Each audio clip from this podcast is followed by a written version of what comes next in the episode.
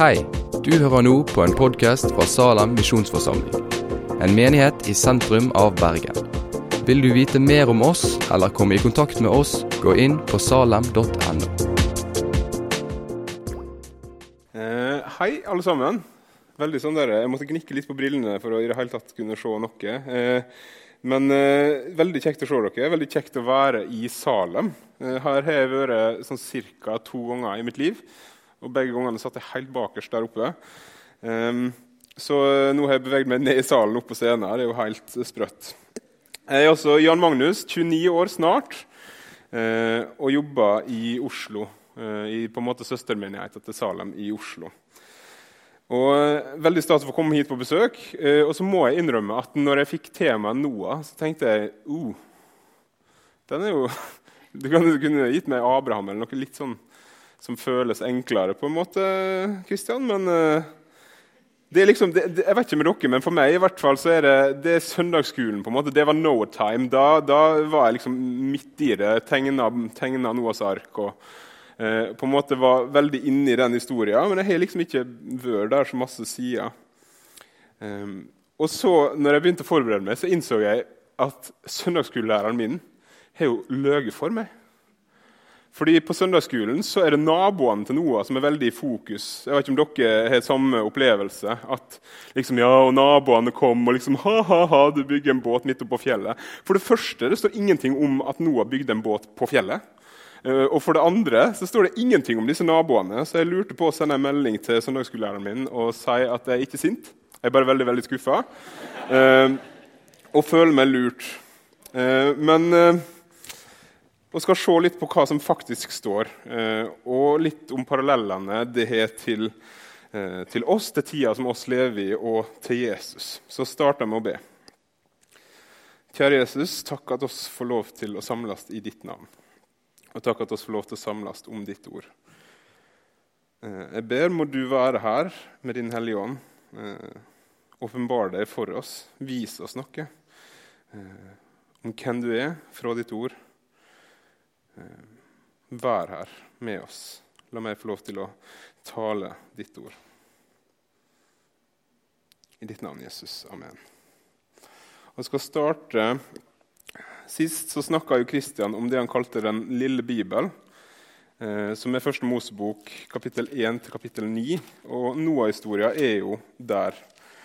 Eh, så skal starte med å lese fra kapittel 6, vers 1-8 i Første Mosbok. Nå tok mennesker til å bli mange på jorda, og de hadde fått døtre. Da så gudesønnene at menneskedøtrene var vakre, og de tok noen av dem til kone, de som de helst ville ha. Herren sa, min ånd skal ikke for alltid bli værende i mennesker, for de er av kjøtt og blod. Levetida deres skal være 120 år. Det var kjemper på jorda i de dagene, og sida også. For gudesønnen gikk inn til menneskedøtrene, som fødte ei barn. Dette er de mektige fra eldgammel tid, de navngjetne.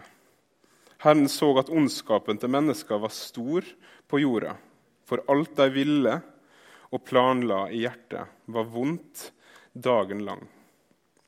Da angra Herren at han hadde laga mennesket på jorda, og han var full av sorg i hjertet. Og Herren sa, 'Jeg vil utrydde mennesker som jeg har skapt' fra jorda. Alt fra mennesker til fe, krypdyra og fuglene under himmelen. For jeg angrer at jeg har laga dem. Men Noah fant nåde for Herrens øyne. I disse versene her så kan vi lese om at Gud angra på at han hadde skapt. Ganske sterke ord og så fortsetter Gud med å si at 'jeg vil utslette alt'. Og så kan en lese det og tenke ja, er ikke det her en overreaksjon? Er ikke det her litt vel drastisk? Men fra Guds perspektiv så er det gode skaperverket som han skapte, det som funka, eh, det som var skapt til å være menneske i samfunn med Gud, i en relasjon til Gud. og mennesket skapt til å være i samfunn og relasjon med hverandre. Der funka plutselig ingenting av det her. Kristian snakka sist om de to slektene og de to veiene. Kains slekt og Sett slekt. Der Setts slekt er god og påkaller Herrens navn og vandrer med Gud, mens Kains slekt vandrer sin egen vei, skryt av mord, tar seg flere enn ei kone, gjør det som er vondt i Herren sine øyne, og det som er vondt for deres medmennesker. De to henger veldig ofte i hop i Bibelen. Og så er det noen rare ting i de versene som nettopp har lest også. Hvem er disse gudesønnene, f.eks.? Eh, og det var et av de underspørsmålene som Kristian eh, hadde satt når, han, når jeg fikk temaet med han. Gudesønner? spørsmålstegn. Eh, og det syns jeg var litt dusj, fordi det er ingen som egentlig veit. Folk krangler om hva er det her Er det falne engler det er snakk om, som på en måte tar menneskeform og gifter seg med mennesker? Eller er det disse to slektene det er snakk om? At Sett sin slekt, de som egentlig fulgte Gud, plutselig eh, hadde mer lyst på de fra den andre slekta, og dermed så ble begge slektene vonde. Eh, og Der krangler folk. Folk er ikke enige. Hvem er gudesønnene egentlig? Jeg las en artikkel i forgårs når jeg forberedte meg, og eh, det er det rareste jeg har lest eh, tror jeg, av sånn teologisk faggreier. Fordi han sa så hvis jeg skulle si hva jeg trodde og Da begynte han på en sånn slags lignelse. Si jeg hadde tolv mynter. Så legger jeg seks av myntene mine i, eh, i på en måte det her falne engler-skåla. Så legger jeg fem i den andre, og så lar den siste henge og dingle over. Sånn var det en teolog ville beskrive på en måte hva han trodde om disse versene. Så det er ingen som veit hvem de gudesønnene er. Men begge deler gir god mening. Hvis falne engler tar menneskeform, blir som mennesker, vil de ikke nødvendigvis få unger som følger etter Gud. Eh, og ditto når de to slektene blanda seg. Gjennom hele Det gamle testamentet så snakker Gud til sine, til sitt folk, som at de er hellige. Altså de er skilt ut, de er annerledes. De går en annen vei enn de andre folka. Og nå går alle samme vei, virker det som. Ingenting fungerer. Jeg skal bruke to bilder, eh, og eh, de, de er ikke gode. Det vil jeg bare si før jeg sier de bildene. Fordi det er litt sånn eh, Se det fra Guds perspektiv og prøve å få det ned på jorda på en måte som oss forstår. Det er ikke alltid like lett. Så eh, Lars, som jeg bor hos, eh, sa eh, nokså diplomatisk til meg når jeg presenterte disse bildene for han tidligere i dag, at ja, det er jo visse utfordringer med å bruke bilder. Eh, men jeg prøver likevel. Eh, se for dere at dere har invitert noen venner hjem til dere.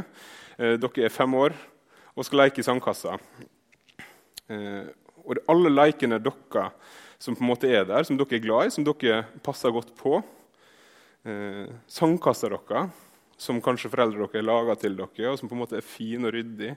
Og Så kommer disse vennene og så begynner de bare å hakke løs på alt mulig og ødelegge alt det som du på en måte er glad i, som du er tatt vare på, som du er redd for. Så kan vi få en slags idé på et veldig barnslig nivå av hvordan det var for Gud å se verden bli slik som den hadde blitt.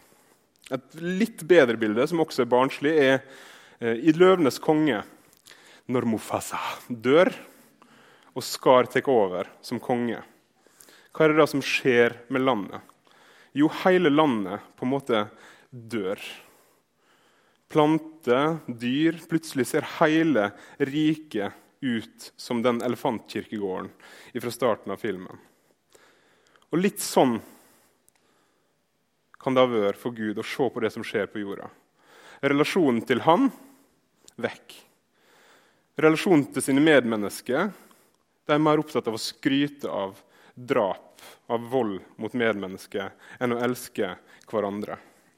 I forhold til skaperverket de svikta forvalteroppdraget sitt. Skaperverket får bare dure og gå. Eh, og i den grad de bruker det, så misbruker de det. Ingenting er slik som Gud hadde tenkt. Og dermed så sier han, 'Jeg vil utslette det'. Og Så kan en tenke ah, er ikke det en overreaksjon? Er ikke det litt vel drøyt? Men når Gud gjør det, så gjør han det som en god Gud, som en rettferdig Gud. Gud er god. Og så er Gud også vredens Gud. Og det at han er vredens Gud, gjør han ikke mindre god. For hans vrede er rettferdig og god. Han blir vred over urettferdighet, over urett. Det er ikke sånn at han flyr opp i sinne over urimeligheter. Nei, han ser at skaperverket går ikke slik som jeg hadde tenkt, slik som jeg hadde skapt det. Likevel er det vanskelig å forstå det. Hvordan kan Gud utslette alt? Og Mange plasser i Bibelen så er det sånn at vi ser Gud gjøre ting. Og så er det skremmende. Det er skikkelig skremmende. Ting som får meg til å tenke og sitte der når jeg sitter med Bibelen, stoppe opp og bare What? Hvem er du, Gud? Hvem er du egentlig? Hvordan kan du Jeg forstår det ikke. Og så er det mange som også ser på Det gamle testamentet og på Det nye testamentet, og så sier de det kan ikke være den samme Gud. Sorry, men gudsbildene er totalt forskjellige. Men da lurer jeg på, har de lest det Jesus sier i Det nye testamentet? Ingen er tydeligere på helvete for eksempel, enn Jesus sjøl. Ingen som er bedre og mer på en måte koselig enn Jesus i NT, men det er heller ingen som er skumlere i Det nye testamentet enn Jesus sjøl. Alle disse tinga, disse skremmende tinga, men også alt det andre som står om Gud i Bibelen, viser oss at Gud han er større. Han er større enn oss tenker og forstår. Og kanskje mest av alt Gud er. Han er den eneste som en kan si det om til alle tider. Jesus sier til jødene når de prøver å skryte på seg at ja, ja, men også Abrahams slekt liksom, du kan ikke messe med oss, så svarer Jesus før Abraham var, er jeg. Gud er alltid, uavhengig av oss. Petter Dass skriver i en salme som jeg har hatt på hjernen i dag eh, Gud er Gud om alle land lå øde. Gud er Gud om alle mann var døde. Gud er. Gud er Gud. Bare han er Gud. Og han er alltid større. Men så står det da i vers 8 at Noah han fant nåde for Herrens øyne. Hvorfor fant Noah nåde for Herrens øyne? Var ikke han også del av denne menneskeheten som hadde ødelagt alt? Jo. Men det står videre i, vers 6, i, nei, i kapittel 6 så står det Jorda ble forderva for Guds ansikt og var full av vold. Gud så på jorda, og så hadde blitt forderva, for alt det som mennesket hadde gjort på jorda, førte til ødeleggelse. Men om Noah står det i vers 9 Noah var en rettferdig mann. En hederlig mann i si tid. Og så kommer på en måte poenget. Noah vandra med Gud. Noah vandrer med Gud. Hva er det som gjør Noah rettferdig? Er det fordi han er perf? Liksom? Er det fordi han greier alt? Er det fordi han er på en måte helt perfekt? Plettfri? Nei, men han vandra med Gud. Han trodde på Gud. Han ville ha med Gud å gjøre. Han var annerledes enn de andre likevel. Han ville det Gud ville, selv om han ikke alltid strakk til. Om Abraham litt seinere, eh, som dere sikkert kommer til å gå inn på når, de, når dere går gjennom Abraham, så står det Abraham trodde Herren, og det ble regna han til rettferd. Abraham trodde, og det ble regna han til rettferd.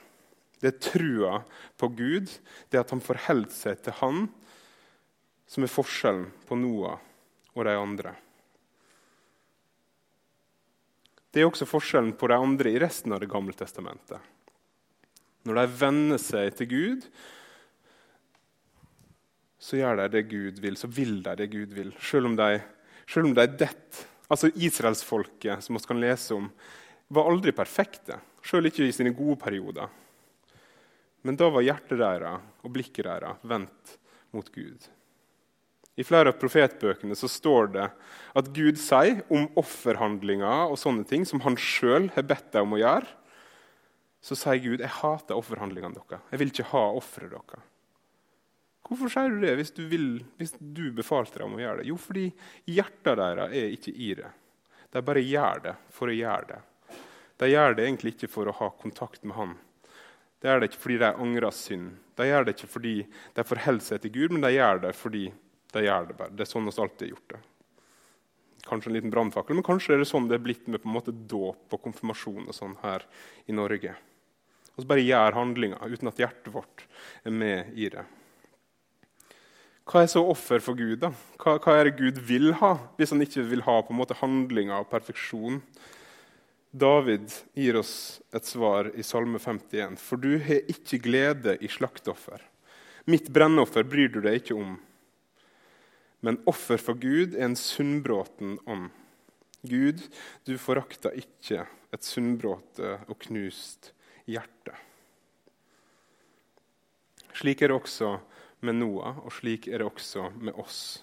Det som gjør at oss finner nåde hos Gud, er ikke at oss er perfekte, men det at oss søker nåde der det er å finne, hos Gud. Å søke ikke oss sjøl eller andre plasser, men å søke nåde og tilflukt hos Gud. Oss vandre med Han. Fordi Noah vandra med Gud, frelste Gud han og familien. De var trygge, mens verden ellers bokstavelig talt gikk under.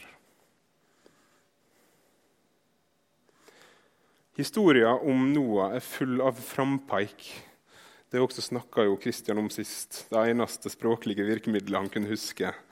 Um, arken er et av de frampeika på flere måter. Arken er på en måte et slags bilde på Jesus for oss. Når oss er i Jesus, så er vi trygge i møte med Gud. Ja, vi er trygge i møte med alt. For han har gjort alt det som er nødvendig, ferdig. Når vi får gjemme oss i Han, så er vi trygge til og med i møte med døden, som en gang skal komme for oss alle sammen. Men så er arken også et frampeik på noe annet. Og Det kan virke litt sånn rart og far-fetched. Men det er Bibelen som gir oss dette frampeiket. Vi skal slå opp i 1. Peters brev, eh, kapittel 3, vers 18 22.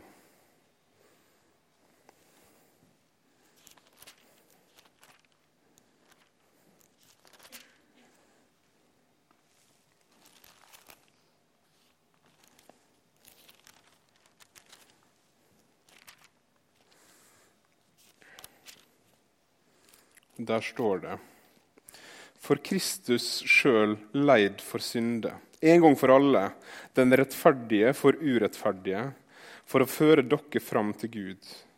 Med kroppen døde han, men ved ånden ble han gjort levende. Og slik gikk han og forkynte for åndene som var i fangenskap. Og så kommer koblinga til Noah.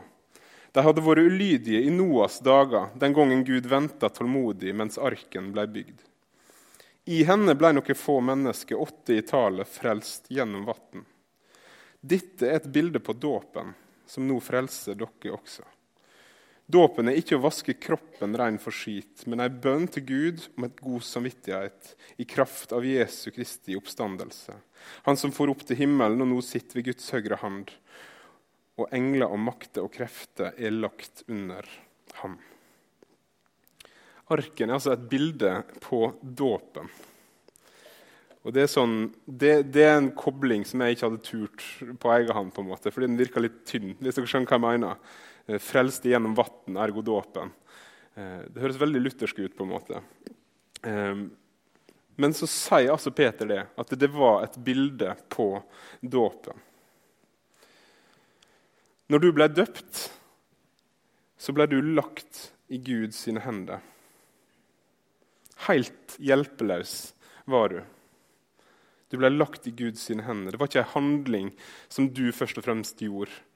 I Bibelen og generelt i det norske språk så er det veldig sjelden du døpte deg, selv om vi kan si det på en måte ved en slags feil. Men sånn grammatisk så døpte du deg ikke, du ble døpt. Så er det ikke først og fremst personen som enten helte vann på deg eller holdt deg under, som døpte deg heller. Men det er Gud som handler i dåpen. Det er Gud som lover noe med dåpen. Det er han som knytter løftet til det. Peter skriver at dåpen er bønn til Gud om ei god samvittighet i kraft av Jesu oppstandelse. I apostlenes gjerninger blir dåpen kobla sammen med det å få Den hellige ånd. Og Paulus skriver i Romerne, Romerne kapittel 6 oss ble gravlagt med Han da oss ble døpt med denne dåpen til døden. Og slik Kristus ble oppreist fra de døde ved sin fars herlighet, skal oss også vandre i et nytt liv. Arken blir et bilde på dåpen. Og akkurat som med arken så er det et før og etter dåpen. Det skjer noe nytt. Det skjer noe helt nytt. I dåpen så kommer oss uten noe annet enn et hjerte som venner seg til Gud i tro og tillit til at Han skal handle. Og så svarer Han med å gi oss nytt liv ved Jesu oppstandelse. Noah og hans familie går inn i arken og veit ikke helt hva de går til. Men de stoler på Gud. Går inn i arken fra en verden som er full av ødeleggelse, død og ondskap. Og så går de ut av arken til et helt nytt liv, egentlig. Til ei jord der ting spirer og gror, og der de får beskjed om at dere skal kultivere dette. Dere skal fylle denne jorda. Dere skal dyrke den. Og skal lese fra 1. Mosebok 8, 15 til kapittel 9, vers 7.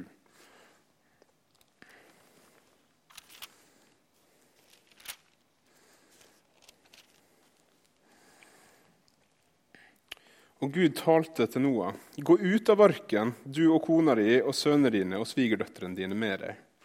Alle dyra som er hos deg, alt som lever, både fugl og fe og alt kryp som det kryr av på jorda, skal du ta med deg. Det skal myldre av dem på jorda, og de skal være fruktbare og bli mange. Så gikk Noah ut sammen med sønnene sine og kona si og svigerdøtrene sine. Og alle ville dyr og alt fe og alle fugler og alt kryp som det kryr av på jorda, art etter art, gikk ut av arken. Noah bygde et alter for Herren han tok noen reine dyr og noen reine fugler og ofra brennoffer på alteret. Og Herren kjente den gode angen. Da sa Herren i sitt hjerte, jeg vil aldri mer forbanne jorda for menneskets skyld, sjøl om menneskehjertet vil det onde fra ungdommen av. Aldri mer vil jeg drepe alt som lever, slik jeg nå har gjort. Så lenge jorda står, skal såtid og innhausting, kulde og heite, sommer og vinter, dag og natt aldri ta slutt. Gud velsigna Noah og sønnene hans og sa til dem.: Vær fruktbare, bli mange og fyll jorda. Over alle dyra på jorda og alle fuglene under himmelen, over alt som rører seg på marka, og alle fiskene i havet, skal det komme frykt og redsel for dere. De er gitt i deres hender. Alt som lever og rører seg, skal nå være mat for dere. Som jeg ga dere de grønne plantene, gir jeg dere nå alt dette. Men kjøtt som er liv i seg, dvs. Si blod, skal dere ikke ete for dere eier blod og liv vil jeg kreve av dere til regnskap. Jeg vil kreve hvert dyr til regnskap, og jeg vil kreve hvert menneske til regnskap for livet til et medmenneske. Den som auser ut menneskeblod, ved mennesket skal hans blod bli øst ut. For Gud lager mennesket i sitt bilde. Men dere skal være fruktbare og bli mange. Myldre på jorda og bli mange der. I starten så har du dette nesten andre syndefallet, der alt, absolutt alt, går tapt av det som Gud hadde sett for seg når han skapte. Når han skapte og sa dette her er godt. Og når han ga mennesker befaling om hvordan de skulle forholde seg til dette som han hadde skapt. Alt det datt i grus. Akkurat som et andre syndefall utafor hagen. Og etter dette andre syndefallet, når han nå starter på nytt igjen, så gir han ei andre kulturbefaling. Altså Han gir en ny befaling. Han sier det samme til Noah som han sa til Adam og Eva. Fyll jorda, bli mange, legg den under dere. Alt dette her er dere. Bruk det, og bruk det godt. Sørg for at denne jorda blir ei god jord. Og ikke sett dere opp mot hverandre og drep hverandre, for det vil jeg holde dere ansvarlig for, sier Gud. Men Gud stopper ikke der heller, for han vil gjøre pakt med Noah. Og Den pakta henger sammen med det Noah gjør når han går ut. Det første han gjør når han kommer ut av arken, det er å bygge et alter og så gjøre offer for Gud. Og Gud kjente den gode lukta, står det. Var det lukta av brent kjøtt først og fremst? Nei, det tror jeg ikke. Men Noah ville takke Gud noe vil tilhøre Gud. Derfor ofra han. Hjertet hans, sinnet hans, var vendt mot Gud. Og det er til velbehag for han. Så sier Gud i sitt hjerte at han aldri mer vil forbanne jorda for menneskets skyld. Og så kjenner jeg et vers som jeg synes er rart, når han lover at han aldri mer skal gjøre det. Sjøl om menneskehjertet vil det vonde fra ungdommen av. På tross av vår ondskap så gir Gud løftet om at dette skal aldri skje igjen. På tross av vår ondskap så vil Gud være nådig. Han vil vise nåde mot oss. Vi skal lese videre fra vers 8 til vers 17 i kapittel 9. Så sa Gud til Noah, sønnen hans, nå vil jeg opprette min pakt med dere og etterkommerne deres og med hver levende skapning hos dere, både fugler og fe og alle ville dyr som er hos dere, alle som gikk ut av arka, alle dyr på jorda. Jeg oppretter min pakt med dere. Aldri mer skal det hende at alt kjøtt og blod blir utrydda av vannet fra storflaumen. Aldri mer skal det komme en storflaum for å legge jorda i øde. Og Gud sa, dette tegnet setter jeg for pakta mellom meg og dere og hver levende skapning som er hos dere, i kommende slekter til alle tider. Jeg setter buen min i skyene. Han skal være et tegn på pakta mellom meg og jorda. Når jeg samler sky over jorda, og buen viser seg i skyene, da vil jeg huske pakta mellom meg og dere og hver levende skapning, alt kjøtt og blod. Aldri mer skal vannet bli til en storflom som ødelegger alt kjøtt og blod. Når buen viser seg i skyene, vil jeg se han å komme på denne evige pakta mellom Gud og hver levende skapning, alt kjøtt og blod på jorda. Og han sa til Noah, dette er tegnet på den pakta jeg oppretta mellom meg og alt kjøtt og blod. Legg dere merke til at i denne pakta er det egentlig ikke to sider. Det er egentlig ikke to parter. Det er bare Gud som gir et nådig løfte. Det er ikke at hvis dere gjør sånn og sånn, så skal jeg holde min vrede tilbake. Nei, han sier aldri mer skal det skje. Og så krever han egentlig ingenting av Noah. Ingen punkt som han må sjekke av for å liksom sørge for at han er innafor. Nei, Gud sier aldri mer skal jeg gjøre dette. Og så gir han regnbua som et tegn på sin egen trofasthet. Og så vet vi at regnbuen gjerne blir assosiert med noe annet i dag. Men grenseløs kjønnsideologi og med en forståelse av samliv som totalt går vekk fra de skaperordningene som Gud ga. Men regnbua er en påminnelse om at Gud er trofast. Alltid. Det Gud sier, det gjør han. Han er trofast mot sine løfter. Og at han er trofast mot sine løfter, er en god ting. Men så er det også egentlig en skummel ting. Jeg nevnte i starten at Jesus er nokså skummel egentlig til tider.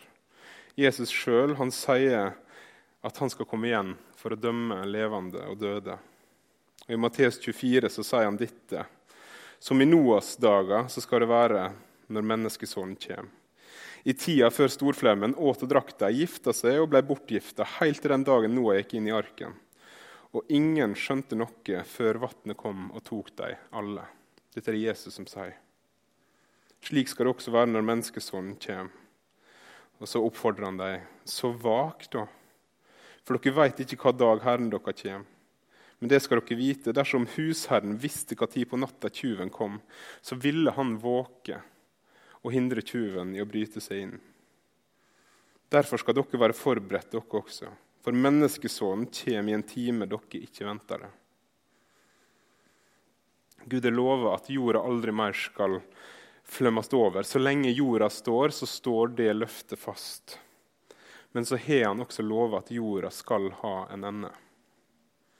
Gud skal holde dom en gang, og den dommen skal oss alle møte. Og Jesus oppfordra, For 2000 år siden så han sine til å våke og til å være forberedt på at han kommer igjen. Og Så kan en tenke hva er sjansen for at Jesus kommer igjen i vår levetid? Han har jo ikke kommet igjen i noen av generasjonene av kristne før oss i levetid. Men så er ikke det noen unnskyldning til oss for å slappe av eller bare tenke at nei, det er ikke så farlig, det der. Fordi allerede når apostlene sjøl levde, så var det folk som kom og spotta og tvila. Og Peter han svarer slik, de som sier hva skjer med at Jesus ikke er kommet igjen, egentlig? Laug han? Så sier han dette i 2. Peters brev, kapittel 3, vers 3-9. Først og fremst skal dere vite at i de siste dager skal det komme folk som følger sine egne lyster, som spotter og sier Hva med løftet om at han skal komme igjen? Fedrene våre er døde, men alt er som det har vært fra verden ble skapt. De som sier sånn, glemmer at det fra eldgammel tid var himla ei jord som i kraft av Guds ord ble til av vann og ved vann. Og ved det gikk den gangen verden under. Da ble overfløymd med vann. Men de himla og den jord som nå er, i kraft av det samme ordet, sparte til elden. De blir holdne oppe til dommens dag, da de gudløse skal gå under. Men én ting må dere ikke glemme, mine kjære. For, mine kjære. for Herren er én dag som tusen år, og tusen år som én dag. Det er ikke rett, det som vi mener, at Herren er sein med å oppfylle løftet. Nei, han er tålmodig med dere og vil ikke at noen skal gå tapt, men at alle skal nå fram til omvendelse. Gud er trofast mot sine løfter, og han skal komme igjen og dømme verden. Og det er ikke urimelig, like lite som Guds dom den gangen var urimelig. Kan godt hende Anders Behring Breivik mener at han er urimelig satt i fengsel. At han syns straffa var for stor. Han egentlig gjorde det han var overbevist om var rett. Og hva kan vel være gale med det? Men jeg vil tro oss alle her inne er enige om at 21 år er det minste han fortjener. Gud skal holde dom en dag. Det er sikkert, for han er trofast mot sitt ord og mot sine løfter. Men like sikkert like sikkert som at han skal felle dom, er det at Gud ønsker å vise nåde. Hvorfor er han ikke kommet igjen, sier Peter. Fordi han er tålmodig med dere og ikke vil at noen skal gå tapt, men at alle skal nå fram til omvendelse. Jesus døde. Gud sjøl gikk i døden for at oss skulle gå fri, for at oss skulle bli frelst for at oss skulle bli kjent rettferdig ved trua på Jesus. På tross av det også gjort våre mangler og vår synd. Gud, han er rik på miskunn og på nåde, står det så mange plasser i Bibelen. Og han vil gi deg sin nåde. I Romerbrevet kapittel 10 så står det For bekjenner du med munnen din at Jesus er Herre, og tror i hjertet ditt at Gud har reist han opp fra de døde, så skal du bli frelst. Skrifta sier ingen som tror på Han, skal bli til skamme. For her er det ingen forskjell på jøde og greker. Alle har de samme Herre. Og så kommer en av de fineste påpekingene jeg vet om i hele Bibelen. Og han er rik nok. Han er rik nok for alle som kaller på ham. Guds løfte står fast. Han skal komme og felle dom, og han kommer til å være god og rettferdig når han feller den dommen. Men han er rik nok for alle som kaller på han. Han er rik nok på nåde. Jesu blod det renser alle de som kommer til han, og det renser alt det de kommer til han med. Hvis du tror på han, så skal du ikke bli til skamme, men få leve evig sammen med han. Vend ditt hjerte til Gud og vandr med Gud, slik Noah vandra med Gud. Så har du løftet i Bibelen på at da er alle dine synder tilgitt. Og så har du dette fantastiske løftet, at han er rik nok for deg når du kaller på ham. Skal vi be. Kjære Jesus, takk at du er rik nok. Takk, Jesus, for din nåde mot oss. Så ser du de alvorlige tingene i historien om Noah. Du ser de gangene oss ikke forstår deg. De gangene oss syns du er skummel og urimelig. Jeg ber må oss få lov til å se deg som vår far. Må oss få lov til å se din nåde, men vi må må også få lov til å se at din dom er rettferdig og god. Hjelp oss å forstå at du er en rettferdig Gud. Og hjelp oss å elske deg, og hjelp oss å frykte deg. Takk, Jesus, for at du kom, blei som oss, tok vår straff, vann over døden og jeg satt deg i himmelen som førstegrøda av de som har stått opp.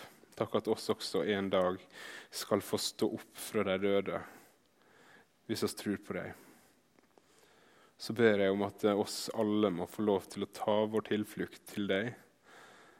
Ha deg som vår Herre og vår Frelser, helt fram til oss der skal få lov til å se deg ansikt til ansikt på den nye himmel og den nye jord som du skal lage for oss. Må du velsigne oss, så må du være med oss og bevare oss. Så må du hjelpe oss i denne tida som oss har fått, til å bringe flere til deg. Du som ikke vil at noen skal gå tapt, men at alle skal nå fram til omvendelse. Må du bruke oss i det oppdraget, Jesus. I ditt navn. Amen.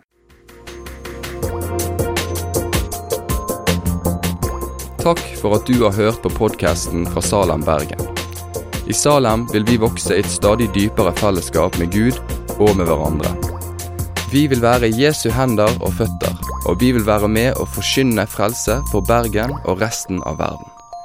Besøk oss gjerne på salem.no om du vil vite mer.